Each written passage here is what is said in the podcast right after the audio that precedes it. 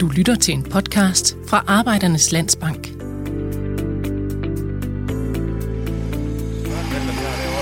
er, en, øh, det er jo til snustobak, den snus, den er ved at være færdig. Vi levede jo i nuet, kan man sige. Og den rejse vi er på nu, der planlægger vi fremtiden. Hvornår er det tid til, at du overdrager din virksomhed til en anden, og hvordan gør du? Det er det, som du kan blive klogere på i denne podcastserie fra Arbejdernes Landsbank. I dette afsnit af podcastserien om generationsskifte i virksomheder giver en erhvervspsykolog gode råd til, hvad virksomhedsejeren skal overveje og tænke grundigt igennem både før og under et generationsskifte. Der er nemlig masser af psykologi på spil i et generationsskifte, og det kan koste dyrt, hvis man ikke er bevidst om det. Julie Greno, du er erhvervspsykolog og har mødt en masse virksomhedsejere, der skulle forholde sig til det der med, at de før eller senere skal give virksomheden videre. Jeg siger jo sådan her i introen, at det faktisk handler om liv og død, øh, og det derfor kan være både skræmmende og overvældende at beskæftige sig med som virksomhedsejer. Synes du, jeg overdriver, når jeg siger, at det gælder liv og død? Lidt måske. Øh, men hvis man taler om det i overført betydning, så kan det faktisk være den følelsesmæssige oplevelse, en del ejerledere har. Altså man skal jo tænke på, at de har startet en virksomhed selv. De har været meget passionerede om den, og derfor brugt alle deres vågne timer på arbejdet. Det er blevet deres livsværk. De er også øh, sådan, hvad kan man sige, personificering af virksomheden. Og så identificerer de sig også meget, meget stærkt med virksomheden. Så der er jo rigtig meget på spil i en virksomhed, når man har den, eller når man på et eller andet tidspunkt ikke har den længere. Men hvordan kan det være, at det mentale og det psykologiske spiller så stor en rolle for et generationsskifte? Altså jeg vil sige, at psykologi spiller en stor rolle i det meste af arbejdslivets øh, facetter. Men som svar på dit spørgsmål, så øh, kan en af forklaringerne findes i den sådan stereotypiske ejerleders psykologi, fordi de er ofte meget stærkt tilknyttet til virksomheden følelsesmæssigt. Det har jo været en arena, kan man sige, hvor de har fået opfyldt deres sådan personlige interesser og håb og drømme. De har kæmpet store kampe. Øh, det har været virksomhedens overlevelse mange gange. Det handler om liv og død. Så det bliver jo nærmest sådan over tid en forlængelse øh, af dem selv. De opnår også meget sådan prestige og magt og selvtillid ved at være i den funktion. Så det er meget vigtigt for dem at fastholde og fortsat være en del af den her virksomhed. Og jo tættere vi er, og jo mere energi og arbejdstid vi lægger i en virksomhed, jo tættere bliver det en del af vores identitet.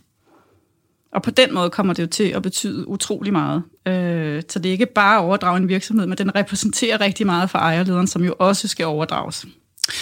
Men en ting er, det, det er jo det, du siger til mig nu her, og, og du står jo udefra og kan se det, men hvor vigtigt er det, kan man sige, at øh, ejeren er bevidst omkring det her? Det er jo meget afgørende, fordi det er sådan, når vi er meget stærkt knyttet til noget følelsesmæssigt, så bliver det en lille smule svært at se objektivt på, hvad der egentlig foregår. Det vil sige at kunne se objektivt på, hvad er det i virkeligheden virksomheden har brug for nu? Er jeg stadig den rigtige til at drive det? Øh, hvad der kald på, hvad er min egen reelle formåen i forhold til at få virksomheden til næste niveau. Så hvis der er, du ikke er klar over, hvor meget det mentale og det psykologiske har fat i dig, så bliver det det, der kommer til at bestemme, hvad du gør, frem for en mere sådan objektiv afvejning af, hvad er det, der er det rigtige at gøre. Og hvad oplever du? Altså er man klar over det, eller er det sådan en hosa? Jamen, det varierer lidt. Der er jo nogen, der er klar over det. Øh, der er nogen, som øh, jo også kommer til mig og siger, at nu øh, går jeg med de her tanker, og hvordan, hvordan skal jeg gøre? Og så er der også andre, der ikke opdager det. Nogle gange bliver de jo på en eller anden måde fanget i hverdagens paradoks.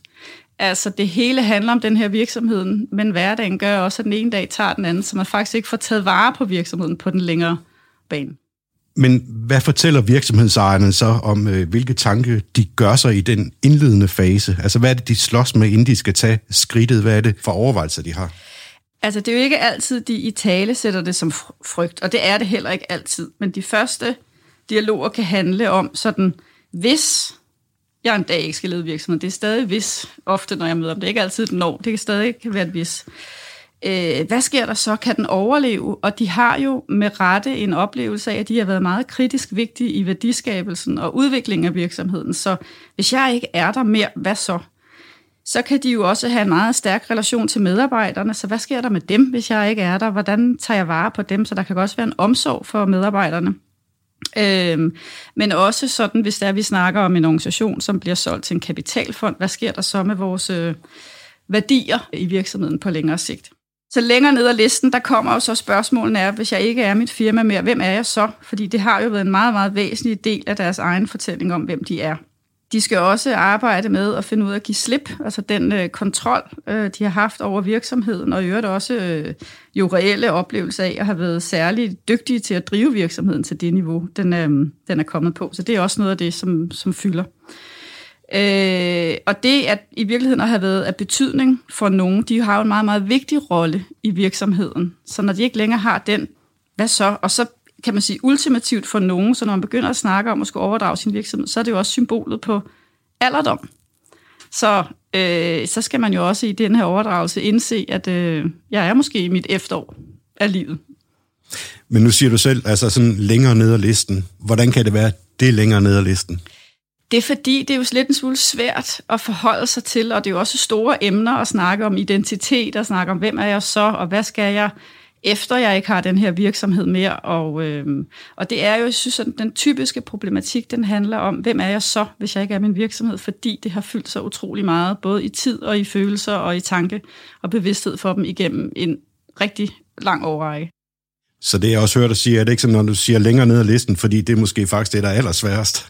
Jo, Præcis, og det er heller ikke det, de starter med, og det er heller ikke sikkert, at vi skal igennem den helt store øh, af den øh, tur, fordi at man jo også skal have sådan de der mere rationelle overvejelser om, hvad er det, vi gør sådan rent praktisk, men det, det rammer ind og ringer nummeret op på nogle af de dybere liggende temaer rigtig ofte. Jeg ved også, du opererer med det, der hedder en altså sådan en erkendelsesproces med forskellige skridt eller punkter. Kan du prøve at sætte nogle ord på, hvordan ser den ud? Ja, det er rigtigt. Altså man kan jo sige, at der er fem step i en generationsskifteproces. Og det er, min erfaring er, at alle faktisk skal være gennemlevet, for det bliver succesfuldt ejerskifte. Men det er slet ikke altid sådan, at de kører sådan øh, sekventielt, og man får taget dem step by step. Men der er nogle aspekter i det. Og det første er, vil jeg sige, afklaringsprocessen. Og den skal man jo i virkeligheden gerne gå i gang med altså 10-15 år før man er der. Fordi det er den, der handler om overblikken over, mulighederne. Hvad er det, jeg vil? vil jeg, har jeg nogen i familien, der skal overtage? Er det nogen udenfor? Forestiller jeg mig at sælge en dag? Hvad har jeg af muligheder? Så det er sådan en, hvad kan man sige, sådan en, en rationel, eller sådan en, hvad er der af muligheder, sådan rent objektivt set? Pointen er faktisk, jo tidligere man arbejder med det, jo mindre følelsesmæssigt involveret er man ofte i det, fordi det er ikke så konfronterende, der er lang tid til, så man kan faktisk være en lille smule mere objektiv i sin overvejelse. Det næste, man kommer til, det vil jeg sige, det er sådan erkendelsesprocessen. Det er der, hvor du også sådan følelsesmæssigt skal stå ved, at jeg skal på et eller andet tidspunkt noget andet, og øh, der er nogle andre, der skal overtage det. Og det er jo her, der begynder at komme nogle af de her følelsesmæssige aspekter i spil, som vi snakkede om før. Og der kan det jo være en god idé at snakke med nogen om det, og nogen, der kan hjælpe en jo med at prøve at blive ved med at være så objektiv som muligt. Men det er her, man sådan mere går ind i planlægning af ejer. Tredje step, det er overgangsprocessen, eller hvad man kan sige er læringsfasen. Det er der, hvor man jo faktisk har lavet en aftale om, hvem det er, der skal hvad, og så går man jo i gang med dansen om at give slip og tage over. Der er en, der skal give slip, og en, der skal tage over. Og øh, noget af det, der hjælper til, at man at ejeren rent faktisk får givet slip, det er, når man begynder at få tillid til den, der skal overtage, rent faktisk kan videreføre ens drømme, at man kan have tillid til deres kompetencer, og man kan se, det kommer et godt sted hen, hvis jeg giver slip. Men det her, den der svære dans øh, starter, hvor man skal lære af hinanden i overgangsfasen. Det bliver rigtig vigtigt i den her tid også at lære, at altså den efterfølgende person kommer til at lære af ejerlederen, fordi de sidder med en enorm viden om kunder og virksomhed og marked, som ofte er implicit, som ikke er skrevet ned eller formaliseret, så på en eller anden måde sikre at få den læring ud. Så det er sådan en, en, en proces, der også tager noget tid. Så er det en rigtig dum idé, hvis man bare lige smækker med døren og siger hej. Ja, det, øh, det er der nogle øh, udfordringer i, og det kommer vi også tilbage til i et af de andre afsnit. Så er der det fjerde fase, det er sådan selve transitionen. Det er der, hvor vi overgiver formelt set roret, det bliver den nye leder, eller ejeren del skifter hen og så videre. Det er den, der faktisk skal eksekveres hurtigst muligt, for der har man haft hele læringsfasen forud for. Og så er der jo tiden efter, for den nye direktør, hvor de jo skal gå ind og tage virksomheden til næste niveau, eller hvad det er, der har været den givende opgave. Og så er der for ejerlederen, der skal finde ud af, hvad så nu? Hvad er det så, jeg skal lave? Det, nogen hopper jo op og bliver en del af en bestyrelse bagefter, andre går ud og starter en anden virksomhed, og nogle tredje begynder at gå på pension. Det kommer an på, hvor man er i livet. Men så der er på den måde fem faser i et succesfuldt generationsskifte. Og vi kommer til at udfolde flere aspekter ved den proces her i podcastserien. Men i dag, der taler vi også øh, om det indre arbejde, man skal gøre sig som virksomhedsejer, når man skal begynde at tænke på det forestående generationsskifte. Og er det sådan et typisk fænomen? Ja, altså jeg vil sige, at der altid er et indre arbejde, og det handler jo om at blive bevidst om, hvad man egentlig ønsker sig, og hvad der i virkeligheden er det bedste for virksomheden og familien og personen selv.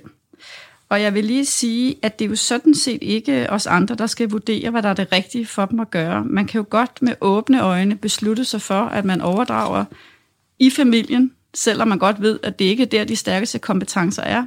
Det vigtige er jo bare det med åbne øjne. Altså man ved, hvad det er, man gør. Det kan også godt være, at man vælger at sige, der skal en udefra til, og man ved godt, at det giver et stort familiemæssigt slagsmål, men det vælger man alligevel at gøre, for man vil virksomheden det bedste. Det er jo en, kan man sige, en pris, men det er ikke op til os at vurdere, hvad der er rigtigt. Det vigtige er bare, at der er åbne øjne i det. Så det gælder om at sørge for at hjælpe dem til at få et objektivt blik på hele situationen. Og det er derfor, som vi har snakket om før, alle de her følelser, man lige får sat dem, har lidt styr på dem, så man kan kigge på, hvad er i virkeligheden det, jeg vil, hvad er det rigtige for mig, hvad er det rigtige for familien, hvad er det rigtige for virksomheden. Og der kan man jo så alliere sig med en fra bestyrelsen, eller en god ven, eller en partner, eller en rådgiver, eller nogen, der i hvert fald tør gå lidt ind i og, og hjælpe ejerlederen med at se, hvad er det rigtige at gøre her.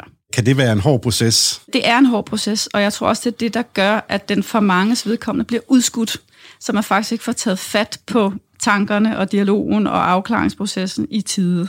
Og det er fordi, at næsten uanset hvad du vælger, så er der jo en masse fordele ved det, men som jeg sagde før, kan du risikere, at der kommer et familie issue. Det er svært i familien, når du vælger at få en, en udefra, når der står en søn i kulissen, der gerne vil have det, og far ikke synes, det er nogen god idé. Der kan jo være også en problematik i, at du rent faktisk vælger en i familien, øhm, og det ikke kommer til at gå. Øh, så, der, så derfor er der potentielt mange risici, der lurer ved det, hvilket gør, at øh, øh, så er det nemmere ikke at gå ind i den. Du lytter til en podcast fra Arbejdernes Landsbank Erhverv med fokus på personlig betjening, anstændige priser og ansvarlig, nærværende og enkel rådgivning. Hvad er sådan tegnene på, at øh, nu er det ved at være tid til at give ordet videre? Altså, som jeg sagde før, så skal man jo i virkeligheden starte så utrolig meget før, end man forestiller sig. Altså 10-15 år før er en rigtig, rigtig god idé, fordi du kan bedre sådan forholde dig til det. Og jo længere væk man er fra det, jo bedre kan man som sagt sådan kigge på det, hvor det ikke opleves så truende. Men hvis man ikke har været i gang i god tid og skal kigge efter tegn, så for nogle er der jo et alder. Øh, for andre er der jo også det, at øh, en velmenende øh, omkring, der prikker der på skulderen og siger, tror du ikke, det er ved at være på tide? Men man kan også kigge sådan ind i organisationen og øh, kigge på noget af det, som man også kalder af founders trap, altså når man ligesom er fanget i en, en bestemt måde at bedrive sin virksomhed på. Og hvis det er... Hvad kan det være for eksempel? Jamen, tegnene er, at øh, hvis for mange ledelsesbeslutninger skal op omkring ejerlederen, fordi han ikke har været, eller hun ikke har været i stand til at delegere, eller har været optaget af det, eller bygge en organisation, hvor ledelse går længere ned, og man ligesom uddelegerer en masse. Det er også øh, et tegn af også, hvis organisationen har sådan meget operationelt fokus, fordi at ejerlederen som sagt gør det hele, så det er rigtig svært at have tid til sådan de større tanker, og det er også op på øh, ejerlederens spor, man forholder sig til øh, størrelse på hjulene, øh, hvor det bliver sådan meget operationelt, så man, så man ved at bruge sin tid forkert. Det vil også være der, hvor man ikke nødvendigvis har fået rekrutteret nye, stærke, dygtigere mennesker ind, der kan udfordre dig. Det er jo også sådan et tegn på det. Så sådan i det hele taget, at der ikke er fokus på, at der er andre, der en eller anden dag skal kunne lede den her virksomhed. Så der er hverken kompetencerne eller systemet eller noget som helst, og der er for meget, der foregår op omkring lederens bord. Det er i hvert fald nogle tegn på, at øh, der skal gøres noget andet. Så vil du sige, at det, det ofte sker, at man kommer for sent i gang? Ja, det peger tallene jo også på, at folk er jo relativt en del op i år, når meget tæt på ejerskiftet, før man øhm, går i gang. Og der er også andre, der går i gang tidligere, men så bliver overvældet opgavens omfang, og altså, hvad det psykologisk fører med sig, hvad det er for nogle overvejelser, man også lige pludselig skal forholde sig til. Og så som jeg også snakkede om tidligere, så sker der også det der hverdagens paradoks, at man drømmer og arbejder og knokler for virksomhedens overlevelse, men den ene dag tager den anden i virkeligheden, så er du i gang med ikke at gøre det rigtige for virksomhedens overlevelse, hvis du ikke tager fat i det. Så, så det ser vi ofte. Hvordan skal man så som virksomhedsejer sådan forberede sig mentalt på det her? Jeg vil øh, begynde at snakke med nogen. Og det er ikke, fordi det behøver at starte med at være med rådgiver, men det kan være, at man har nogen i sit netværk, som er andre ejerledere, der også går med de tanker. Det kan være, at du har nogen i bestyrelse, hvis du har en professionel bestyrelse eller nogen andre. Men det at begynde at tale højt om det er et rigtig godt, så du begynder selv at få greb om, hvad er det, du selv tænker, og du kan få nogen til at hjælpe dig med, som jeg snakkede om før, at blive sådan mere klarsynet på, hvad er det, der er op og ned i det her? Hvad er det for nogle overvejelser, jeg skal gøre? Så jeg vil begynde simpelthen at tale med nogen, og i første omgang nogen, jeg har høj grad af tillid til, eller nogen, der har været på en lignende rejse. Der er jo forskellige netværk, man kan søge ind i og snakke med, hvis man ligesom har lyst til at begynde at snuse lidt til det, og begynde at gå i gang med det. Er det sådan, øh, hvis man går hen til kollegaer og siger, omkring generationsskifte, skal vi tale om det? Altså er det sådan nærmest lidt tabubelagt, eller hvad? Det kan i hvert fald være utrolig svært, fordi at det som sagt har så mange psykologiske medbetydninger, og det har fat i så meget grundlæggende for os og eksistentielt for os, at det ikke er noget, vi dels er vant til, det er ikke det, de taler om normalt. Man har måske heller ikke et sprog for det, eller en bevidsthed om, at det i virkeligheden er noget af det, der kan være på spil, og derfor er det et rigtig, rigtig svært emne at gå ind i. Du er jo ude og møde de her øh, virksomhedsejere, og jeg kunne forestille mig, altså jeg ved ikke, om det er rigtigt, men der er nogen, der vil have sværere ved at åbne op for det her ja. end andre. Ja. ja, dem for hvem det er meget vigtigt at fremstå som dem, der har styr på og kan løse tingene og er svaret på virksomhedens fortsatte overlevelse, der er det rigtig svært. Det er også svært for dem, der ikke har begyndt at kigge på, hvad er det, jeg skal lave, hvis jeg ikke skal bruge alle mine vågne timer på virksomheden. Men jeg vil sige, at jeg møder også nogle virksomhedsejere øh, eller nogle ejerledere, der kommer til mig og siger, jeg tror ikke længere, jeg er den rigtige til at sidde. Jeg, jeg kan godt mærke, at der skal noget andet til, og det er vigtigere for mig, at virksomheden kommer på næste niveau, og vi driver den videre, end at det er mig, der sidder. Så vil du ikke hjælpe mig med at finde ud af, hvad der er op og ned her? Hvad, hvad for en position skal jeg have? Hvordan gør jeg det bedst? Så jeg møder faktisk også ejerledere, som har det her blik på sig selv, og sådan meget nøgtern og reelle afvejning af, hvem kan bedst drive den her virksomhed. Så jeg ser begge dele. Men jeg kan også godt forestille mig, at der er mange virksomhedsledere, der er nogle typer, der måske ikke så går meget op i de der psykologiske ting. Det er en fordom, det indrømmer jeg. Men øh, jeg må alligevel spørge dig, hvad ser du som en mulig konsekvens eller en risiko, hvis man ikke tager højde for, hvad det er for nogle psykologiske kræfter, der er på spil i sådan en proces her? Her vil jeg gerne fremhæve to ting. Og det ene er, når vi ikke har planlagt det rettidigt, så får det betydning for så den ledelsesmæssige kontinuitet, vi kan skabe i virksomheden.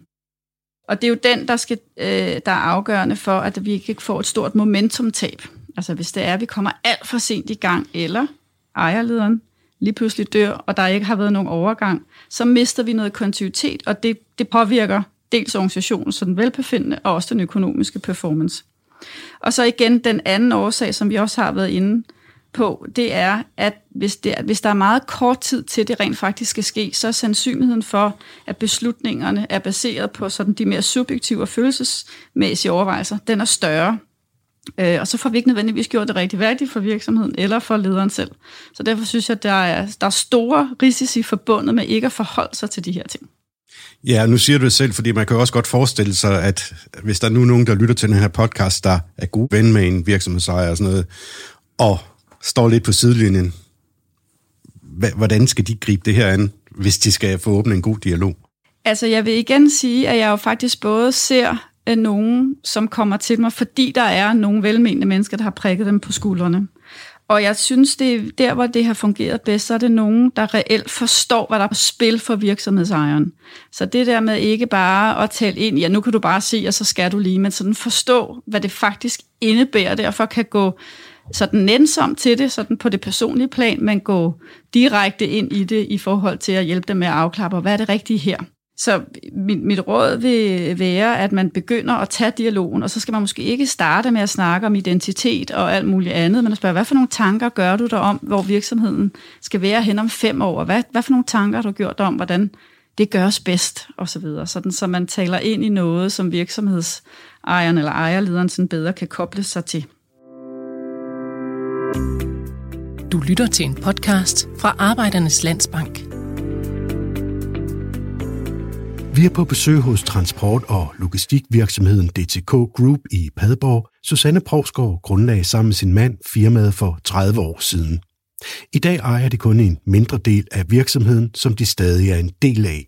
Generationsskiftet er gennemført. Kan du prøve at sætte nogle ord på de der tanker og følelser, der, der kom i første omgang, øh, hvor du ligesom siger sig selv, at jeg skal ikke arbejde så mange timer længere nu? Jamen, øh, det var et valg, jeg, jeg traf, og så øh, har det jo også været en proces for mig selv at ligesom holde det. Altså stille og roligt at sige, jamen nu, nu skal jeg trappe ned, nu har jeg sagt det, nu har vi lavet en aftale om det, og så stille og roligt give endnu mere fra mig. Øh, og så bare være til rådighed, når der er spørgsmål og så videre. Var det svært?